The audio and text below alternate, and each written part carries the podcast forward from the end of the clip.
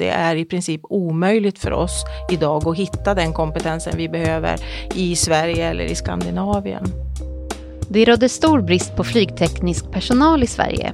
Det är en stor utmaning för flygbranschen redan nu, men framförallt på lite sikt när kommande pensionsavgångar gör att underskottet blir ännu större.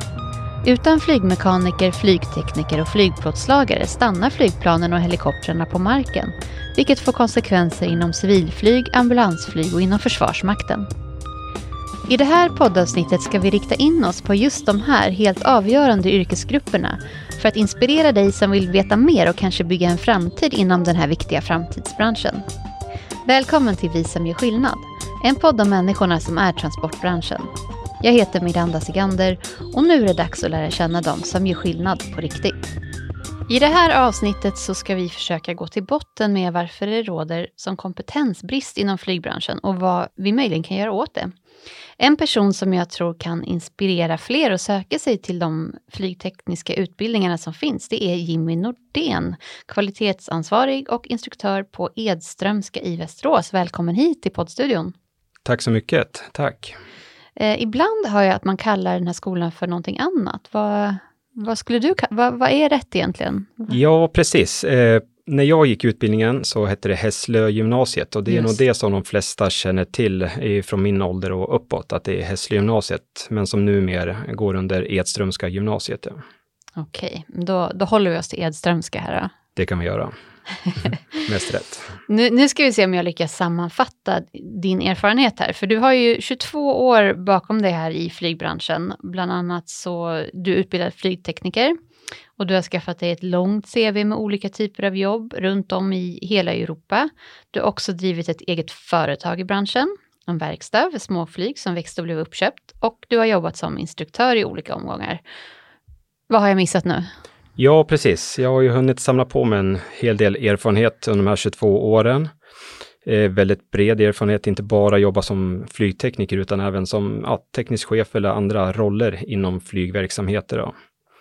Eh, men det var ju att när jag slutade, eller tog studenten, så eh, det var i samband med 9-11, vilket mm. gjorde att eh, alla arbetstillfällen fryste kan man säga. Då, att det var ett anställningsstopp där det var tänkt att jag skulle börja jobba från början då, men så dök det upp en, ett tillfälle i Örebro istället, vilket gjorde att jag fick en helt annan utgång i mitt yrkesliv då, eh, och möjligheter. Men det måste ha varit en väldigt speciell tid att komma ut i den här branschen när det där inträffar? Ja, precis. Och allra helst just eh, företaget jag landade på i Örebro, då, där jag fick jobb, hade inga egna flygplan, det vill säga man servar andra kunders flygplan. Eh, I det flygbolag som var tänkt från början så vart det anställningsstopp för det, folk slutade flyga, vilket gjorde att inga intäkter och, och man ställde in flight eller, eh, eller flygningar. Som då gjorde att det blir mindre service och underhåll av de flygplan som inte flyger. Då. Så därför vart det Örebro, vilket jag är väldigt glad för, ja, i den meningen då förstås. ja. Ödet grep in. Ja, verkligen, ja. verkligen. Men vad var det som en gång i tiden fick dig att bli intresserad av, av det här med flygteknik och att du, att du ens hamnade i den här branschen? Då? Ja, det börjar och, ja, från min låtsasfarfar som jobbar, jobbade då på FM i Ljungbyhed och som kontrollant inom flyget med SK60 och SK61 och 50, allt vad de heter där då, en flygplansverkstad då. Mm. Så det var ju också en början då. Och sen har man teknik från början då, att man är intresserad av att skruva mecka, så de tyckte att eh, flyget skulle kunna passa dig väldigt bra då. Så det vart ju tillfällen när man eh, på högstadiet eh, vid prao, när man hade det som det hette då, mm. eh, fick vara med där en vecka eh, i Ljungbyhed då, där man fick eh, vara med på vid motorkörningar av SK60. Vi, eller man fick gå runt i motorverkstäder, katapultstolstillverkning, eller ja, där man översynar, över, gör översyn av dem. Eh, och det skapar ju ett mer intresse givetvis då, men i den åldern så kanske man inte tog till sig så mycket av att wow, så här, utan ja, men det är häftigt med flyg i flygplan. Det, det var det som du tänkte mest på då? Liksom. Ja, men precis. Det är kul att vara i närheten av det givetvis då. Eh, och sen senare så fick jag även ett sommarjobb då, där nere på Ljungbyhed eller FM, eh, i fyra veckor. Du fick ändå lite mer, det gav medsmak? Eller? Ja, men helt klart. Mm. Då. Man börjar redan där komma in i yrket och börja vara på flygplatser.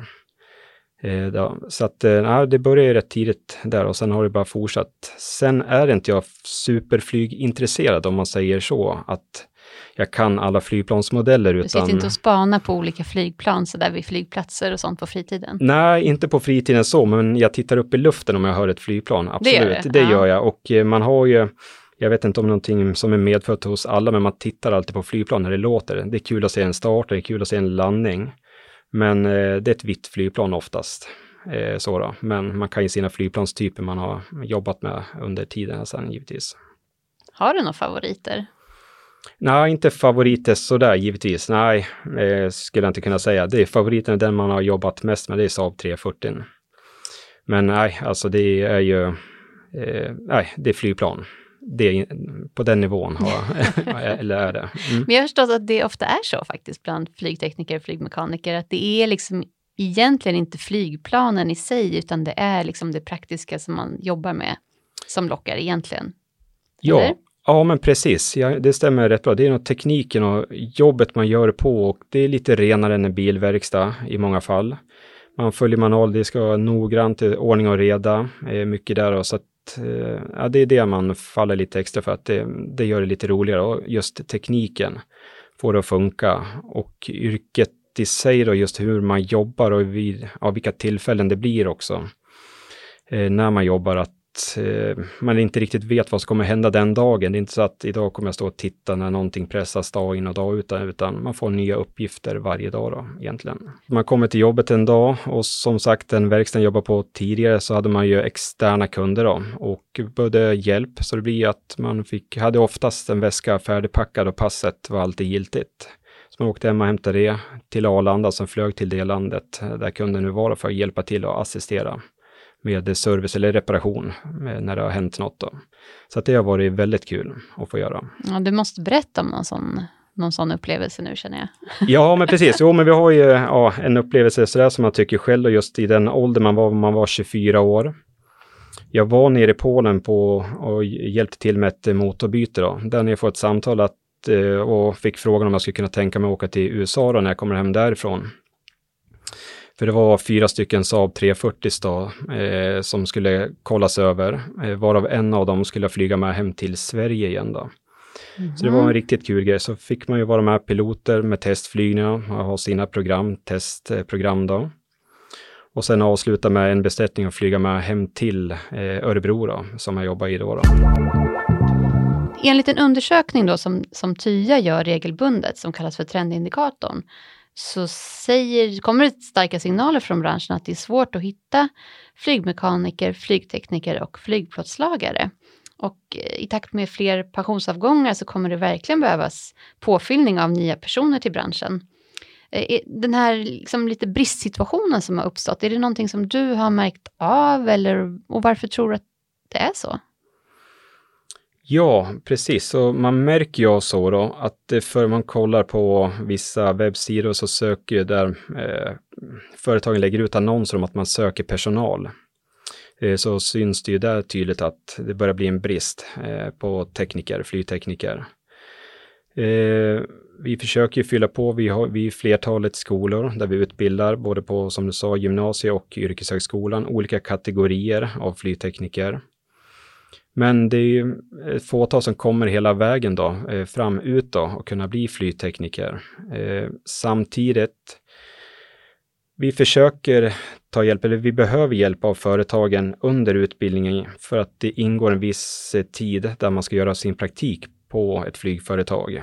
Mm. Hur mycket tid handlar det om? Eh, 325 timmar cirka, man säger 8-9 veckor totalt under utbildningen som man behöver ha hjälp för att det ingår i utbildningen där. Och där vi får mycket hjälp av företagen. Eh, vid flera skolor, så ibland kan det krocka lite givetvis med praktikperioderna.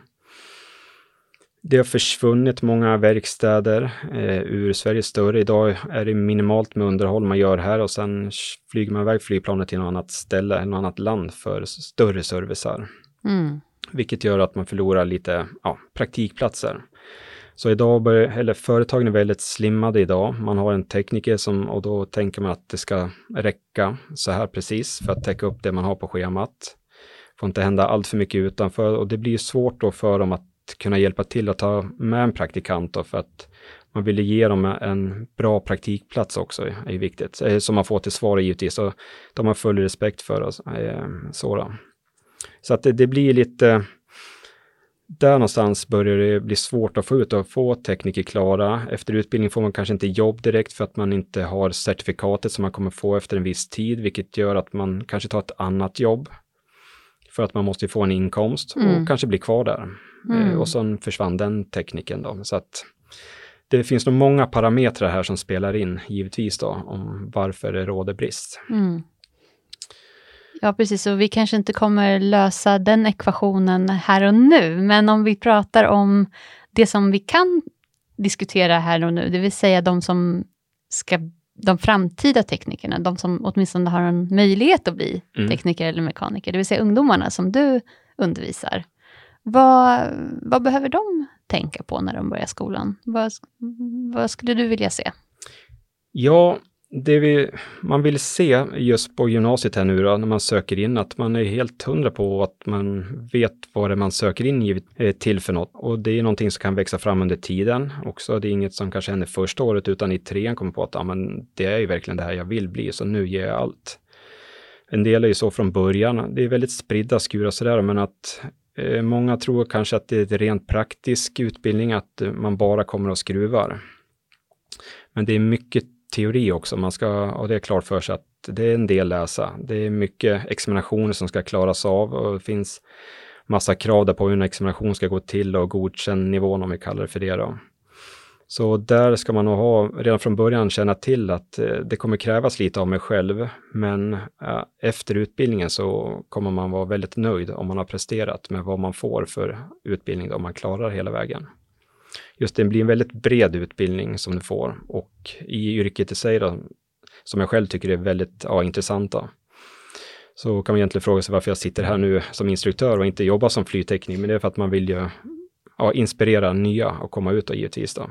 Om du skulle sammanfatta så här, tre stora fördelar med det här jobbet, vad skulle det vara? Så här, om du ska sälja in det nu till någon som, som lyssnar. Ja, men precis. Ja, alltså det är ju ja, vad ska man, egna livserfarenheten som sagt, det är ett otroligt intressant jobb. Eh, det är omväxlande.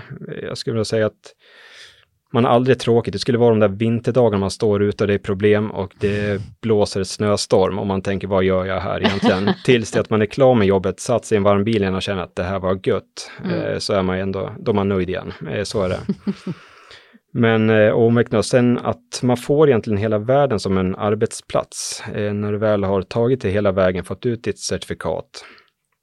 Som, ja visst, det gäller i Europa, men har ett europeiskt certifikat så kommer man ändå långt i världen. Eh, vilket också är, det finns egentligen inget stopp på vad du vill göra själv sen då. När du är flygtekniker så betyder inte det att du inte kan bli något mer. Jag själv har varit accountable manager, teknisk chef, baserat på äh, mina år som ja, underutbildning, gymnasieutbildning där och extra året som flygtekniker. Mm. Man kan göra en ganska fin karriär med andra ord också? Ja, verkligen. Det kan man göra inom flyget, då, kategoriflyg, olika avdelningar i det. Då, så att det är väldigt stort område om man väl väljer att satsa några, några år av sitt liv. Då. Ja, men det låter ju som ett eh, väldigt bra val för den som har ett grundintresse för teknik och som eh, är inställd på och, och kanske plugga lite och kämpa lite också då helt enkelt. Ja, verkligen. Jag skulle verkligen rekommendera det. Och att försöka, man har ju vissa botten och toppendagar givetvis, men försöka hålla i det jämnt i tre år, till en början gymnasiet där. Alternativt yrkeshögskolan då, beroende på vart man är nu någonstans i livet då, och ge det tid, eh, så kommer det vara värt det, det kan jag nästan garantera. Jimmy, stort tack för att du kom hit idag till vår poddstudio och berättade om, om, om dig själv och dina erfarenheter och, och gjorde så bra reklam för flygteknikprogrammet. Just det, ja, tack själva. Tack för att jag fick komma och berätta om ja, mitt liv som flygtekniker och, och vägen hit. Vi har ju nämnt att det råder brist på arbetskraft inom flygbranschen och eh, det finns ju såklart statistik som backar upp det här påståendet. Var tredje år gör TYA en så kallad trendindikator för flygbranschen. Och den senaste upplagan från 2022 visar att 88 procent av företagen eh, har behov av att anställa flygmekaniker de närmaste tre åren. 74 procent planerar att nyrekrytera flygtekniker under samma period och samtidigt så upplever 55 procent av företagen ett underskott på tillgänglig personal. Och att det är svårt att hitta personal, det har vår nästa gäst verkligen fått erfara. Välkommen hit eh, Kristina Bau. Tack så mycket. Du arbetar ju som HR-ansvarig på ST Engineering Aerospace Solutions, sa, sa jag rätt nu? Ja, det stämmer. Det är ju ett jättelångt eh, företagsnamn som vi har, men eh, ja, det är vårt namn. ST Engineering Aerospace Solutions. Det stämmer. Perfekt. Och ni ligger i Arlanda stad strax ja. utanför Stockholm? Ja, precis. Eh, nära Märsta och strax utanför Arlanda flygplats också faktiskt. Precis. Mm. Och berätta då, vad, vad gör ni där? Ja, vi är en så kallad MRO-organisation eller ett MRO-företag och MRO står ju för Maintenance and Repair Organization. Så det vi håller på med det är underhåll och reparationer och översyn av flygplanskomponenter. Och det jobbet gör vi ofta på väldigt stora flygplansdelar, komponenter, men även lite mindre pjäser då. Men ofta stora, stora delar på flygplanen. Ni har stora lokaler så allt ska ja, få plats? Ja, det har vi. Vi har ju flera olika verkstäder då eh, där plåtverkstan är den allra största för det är ju fortfarande faktiskt i flygbranschen till största delen plåt, plåt som är material på flygplanen. Vi jobbar också väldigt mycket i komposit så vi har kompositverkstad. Vi har ju också eh, verkstäder för målning och lackering maskinverkstad och en mekanisk verkstad där vi gör lite mindre finmekaniska arbeten på flygplanskomponenter. Vi gör också elektriska jobb och eh, vissa hy hydraul hydrauliktester mm. av, eh, av vissa delar. Just det. Och då har ni många olika yrkeskategorier hos er förstås? Ja, egentligen inte. De som jobbar i våra verkstäder är ju alla, skulle jag säga, uteslutande flygplansmekaniker. För att i ett företag som vårt så behöver man inte vara flygplanstekniker. Det är ju lite skillnad att utföra underhåll direkt på flygplanen som flygbolagen behöver. Men hos oss så jobbar vi på, på delarna, komponenterna och då räcker det att vara flygplansmekaniker. Och det blir man ju efter den här treåriga gymnasieutbildningen, den flygtekniska gymnasieutbildningen. Så att efter en sån utbildning så kan man i praktiken eh, få arbeta hos oss.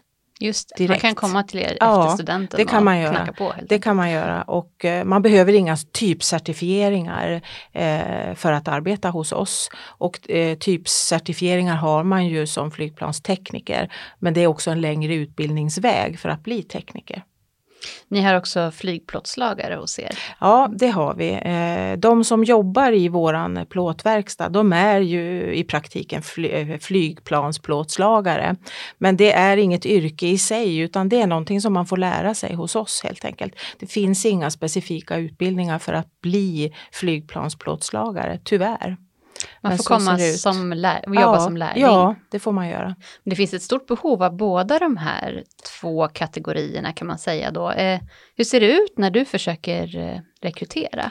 När vi rekryterar och eh, har gjort de sista fem åren skulle jag säga så får vi ju väldigt få ansökningar till att börja med och eh, väldigt få också som, ja, som är intressanta för oss. Så att det är i princip omöjligt för oss idag att hitta den kompetensen vi behöver i Sverige eller i Skandinavien.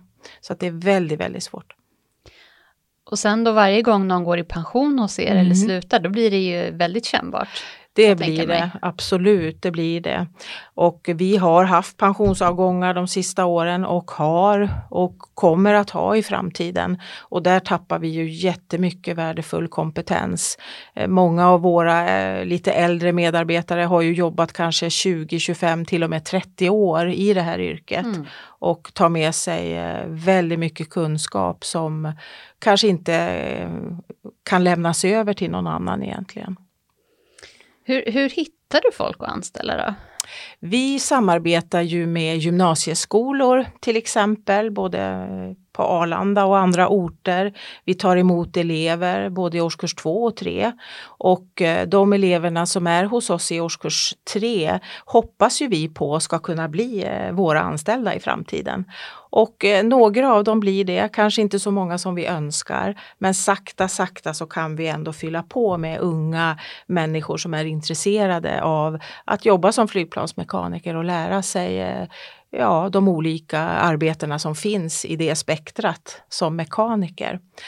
Eh, det är klart att ibland så har vi ju tur kan man ju säga att hitta någon också som kanske vill lämna en konkurrent och komma till oss. Mm. Men vi som verkar nära Arlanda, vi är ju några företag som faktiskt slåss om samma kompetens. Så att det finns en viss eh, rotation också på människor i de här bolagen. Mm, ni, men ni behöver ju ny tillskott, ja, det, det hör man det, ju. det behöver vi. Eh, vi får också hyra personal utifrån världen för att klara av våran, våran affär helt enkelt. För att vi har inte tillräckligt med anställda. Så att vi måste hyra in eh, contractors som det kallas för i våran bransch. Okay. Och det gör vi regelbundet. Vi skulle inte kunna verka om vi inte hade den inhyrda kompetensen faktiskt. Varifrån kommer den kompetensen? Många då? kommer från eh, England, från Irland, även från Sydostasien. Och det som har hänt sista halvåret eh, är faktiskt att vi också har börjat rekrytera från Sydostasien flygplansmekaniker som är eh, highly skilled, alltså som har eh, en väldigt lång erfarenhet och kompetens. Men det är en ganska komplicerad apparat att ta in dem till Sverige. Det tar väldigt lång tid. Men sakta men säkert så fyller vi på på det viset också. Um. Men det låter ju så eh, besvärligt, komplicerat och lite tokigt att inte den här kompetensen kan finnas här hemma i Sverige. Ja, alltså, beror det på att många som kanske går på gymnasieskolan då inte förstår att det här är ett jobb som, som man kan ta och som finns eller vad, vad handlar det om? Ja, alltså jag kan ju bara eh, tala för min egen uppfattning eller uppfattningen som vi har i vårt företag och det är ju faktiskt att många som söker den här treåriga gymnasieutbildningen ofta drömmer om någonting annat än att bli flygplansmekaniker. Många vill bli flygplanstekniker och vet redan om det och det betyder att de kommer att fortsätta att plugga efter tre års gymnasium. Några vill bli piloter och andra eh, yrken. Man kanske vill eh, bli flygplansingenjör och så Just. vidare. Mm. Eh, så att vi vi, vi, söker ju den här gruppen som faktiskt eh, kan tänka sig att börja arbeta då efter de tre åren och också försöker få skolorna, med skolornas hjälp så försöker vi få eleverna att förstå att de är anställningsbara efter tre år. De har ett yrke då, de är flygplansmekaniker och de kan få jobb hos oss. Mm. Om de är intresserade och vill och vill så, så finns den möjligheten. Så att vi försöker ju prata med eleverna om det och också med skolorna eh, om det och eh, hoppas på en förändring i framtiden. Om du tittar lite framåt, vad tror du i framtiden? Hur ser den ut för de här yrkeskategorierna? Ja, vi vet ju, det är ju inte bara här i Sverige som vi sitter och har de här problemen. De finns i hela Europa, i hela världen faktiskt. Och problemen blev värre efter pandemin där, där man skriker efter all typ av flygteknisk kompetens. Ehm, det, det kommer att bli tufft i framtiden. Jag tycker nog att jag kan känna och se lite skillnad ändå när vi har kontakt med elever. Mm. Ehm, där man faktiskt visar ett större intresse tycker jag nu än vad man gjorde för några år sedan. Mm -hmm. vad tror du det beror på? Jag vet inte vad det beror på. Det kanske beror på att eh, för, företag som Tya marknadsför sig mer. Eh, bolag överhuvudtaget försöker på olika sätt eh, fånga intresse för branschen och för yrket det är svårt att säga men eh, vi, vi hoppas ju alltid att de elever som söker den här gymnasieutbildningen verkligen är intresserade av flygbranschen. Och det har inte alltid varit så, det vet vi ju eftersom vi träffar elever. Det kanske inte har varit förstahandsvalet på gymnasielinje och så vidare. Men ju fler som har intresse för flyg som kommer in på eh, flygteknisk gymnasieutbildning desto bättre är det ju för, för hela branschen tänkte vi kan också nämna att det finns ju vuxenutbildningar också inom ja. det här området. Eller hur ser det ut med, med de som, vill, som är lite äldre och som kanske ändå skulle fundera på att liksom yrkesväxla? Hur, hur gör man det? Ja, vi har ju pratat mycket om det med Tya bland annat. Eh, nu är jag inte riktigt insatt i alla de YH-utbildningarna som finns och som börjar komma. Men det är en positiv trend och vi har i år faktiskt för första gången tagit emot elever elever från YH-utbildningar. Och kommuner eh, ser jag också eh, börjar söka tillstånd för att få starta upp eh, YH-utbildningar. Och då hoppas jag att man inte bara fokuserar på flygteknikerutbildningar utan också fokuserar på mer specifikt mekaniker, flygmekanikerutbildning. Vad kan man ha för lämplig bakgrund då, tänker du, om man är som vuxen person och vill testa på? Ja, vi har ju försökt själva eh, sista åren att rekrytera in människor från närliggande branscher som vi har trott ska kunna fungera hos oss. Mm. Och det skulle ju kunna vara mekaniker av olika slag, fordonsmekaniker, tåg. Eh, även människor från plastindustrin har vi eh, anställt där man då ligger lite närmare komposit eh, kanske. Just det. Så det, det, är väl de branscherna spontant som jag kan komma på som skulle kunna vara intressanta.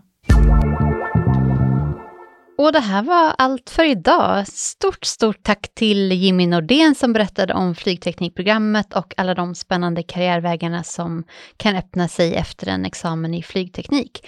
Och så stort tack till Kristina Bau för att du kom hit och slog ett slag för flygmekanikeryrket. Och tack till er som har lyssnat. Vi som gör skillnad-podden återkommer snart med fler avsnitt om personer som genom sitt yrke gör skillnad både för transportbranschen och hela samhällets blodomlopp. Du har lyssnat på Vi som gör skillnad. En podcast för dig som är nyfiken på att arbeta i transportbranschen. Producerad av TYA.